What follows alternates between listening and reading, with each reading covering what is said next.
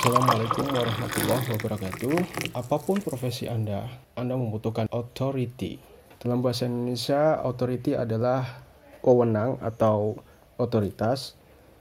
Menurut Kamus Besar Bahasa Indonesia, wewenang adalah hak dan kekuasaan untuk bertindak atau kekuasaan membuat keputusan, memerintah, dan melimpahkan tanggung jawab. Misalkan Anda bicara masalah politik ya, apa otoriti Anda? Oh, saya cuma warga biasa, apakah saya nggak berhak bicara politik? Ya memang berhak, tapi itu artinya Anda tidak punya otoriti. Otoriti itu bisa dicapai dengan cara studi, kemudian dengan pengalaman, atau melalui seragam. Jadi kalau contoh tadi misalkan kalau Anda bicara politik ya apa otoriti Anda? Oh saya sudah 20 tahun meneliti di bidang sosial politik. Nah itu baru Anda punya otoritas, punya authority. Contoh lain misalkan suatu saat Anda dijegat seseorang di jalan. Coba saya minta SIM dan STNK. Apakah Anda nurut? Ya tergantung apakah yang minta tadi punya otoriti atau enggak. Ya saya polisi gitu. Nah itu adalah salah satu bentuk otoriti juga melalui seragam. Contoh lain misalkan uh, Anda disuruh buka baju. Apakah Anda nurut? Ya sekali lagi tergantung apakah yang nyuruh itu punya otoritas atau enggak. Siapa Anda? Apa otoritas Anda suruh saya buka baju? Loh saya ini dokter. Anda jadi nggak mau diperiksa ini? Nah itu pasti Anda patuh kan. Apalagi kalau dokter spesialis kelamin, pasti Anda buka celana juga kan.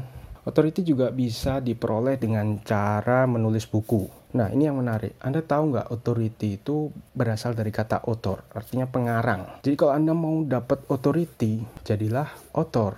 Itulah kenapa Anda harus punya buku apa manfaatnya buku? Bukankah sekarang orang sudah nggak baca buku? Minat baca di Indonesia kan masih rendah. Iya memang, minat baca di Indonesia rendah, tapi apakah selamanya seperti itu? Di sisi lain, orang masih menganggap bahwa buku adalah produk intelek. Jadi kalau Anda kepingin dianggap intelek, kepingin dianggap ahli di bidang yang Anda tekuni, kepingin memiliki authority, maka Anda harus punya buku. Buku ini fungsinya banyak, misalkan untuk transfer pengetahuan. Warung Fiksi pernah menerima uh, proyek penulisan buku, ghostwriting oleh salah satu BUMN ya. Mereka ingin menciptakan buku yang membuat pengetahuan para senior itu bisa tersampaikan dengan cara terstruktur. Dengan buku, mereka kan menghemat waktu untuk training. Ada karyawan baru masuk, tinggal disuruh baca buku. Di buku itu sudah lengkap, isinya adalah filosofi perusahaan, pengetahuan-pengetahuan praktis, kalau ada masalah gini, pemecahannya seperti apa, dan sebagainya. Jadi gak perlu banyak training, cukup disuruh baca buku, selesai.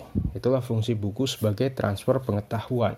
Buku juga bisa berfungsi sebagai kartu nama. Nah, Anda tahu nggak kartu nama itu kalau misalkan Anda ketemu seseorang di pesawat gitu, Anda kasih kartu nama, apakah kartu nama itu akan disimpan? Ya mungkin disimpan, tapi ada kemungkinan juga dibuang, masuk ke saku, kemudian pakaiannya di laundry atau mungkin masuk ke dompet kemudian tertekuk-tekuk dan akhirnya jadi jelek terus akhirnya dibuang juga atau lupa meletakkannya di mana. Ada kemungkinan seperti itu. Tapi kalau dengan cara berkenalan kemudian kasih buku ini loh buku saya, itu akan beda. Orang akan jadi merasa sayang untuk membuangnya. Memang lebih mahal, tapi akan akan lebih efektif karena di buku ini ada ratusan halaman. Jadi Anda punya kesempatan ratusan halaman, puluhan ribu kata untuk mengenalkan siapa diri Anda, apa bisnis Anda, apa keahlian Anda dibanding dengan kartu nama yang cuma isinya nama, alamat, jabatan, nomor telepon, email. Itu tidak menerangkan apa-apa. Beda dengan buku buku juga berpeluang untuk menciptakan prospek bisnis. Misalkan orang sudah tahu Anda menulis buku apa, kemudian kalau memang buku itu bermutu, orang akan memberikan authority itu kepada Anda. Akibatnya setelah penerbitan buku itu, mungkin Anda bisa diundang sebagai pembicara seminar, mungkin sebagai trainer di workshop internal mereka, atau mungkin sebagai konsultan perusahaan mereka. Kemungkinannya ada banyak, karena mereka sudah menganggap Anda punya authority di bidang profesi Anda manfaat yang lain adalah sebagai profit. Jadi buku itu sendiri adalah sebuah produk yang bisa dijual. Tapi manfaat yang keempat ini jangan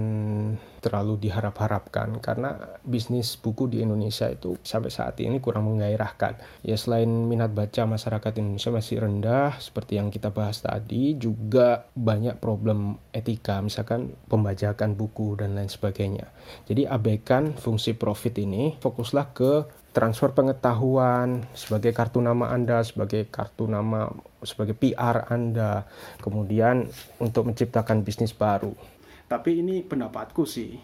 Punya pendapat lain, tulis di kolom komentar ya, kita bisa diskusi. Sementara Brandito cabut dulu. Wassalamualaikum.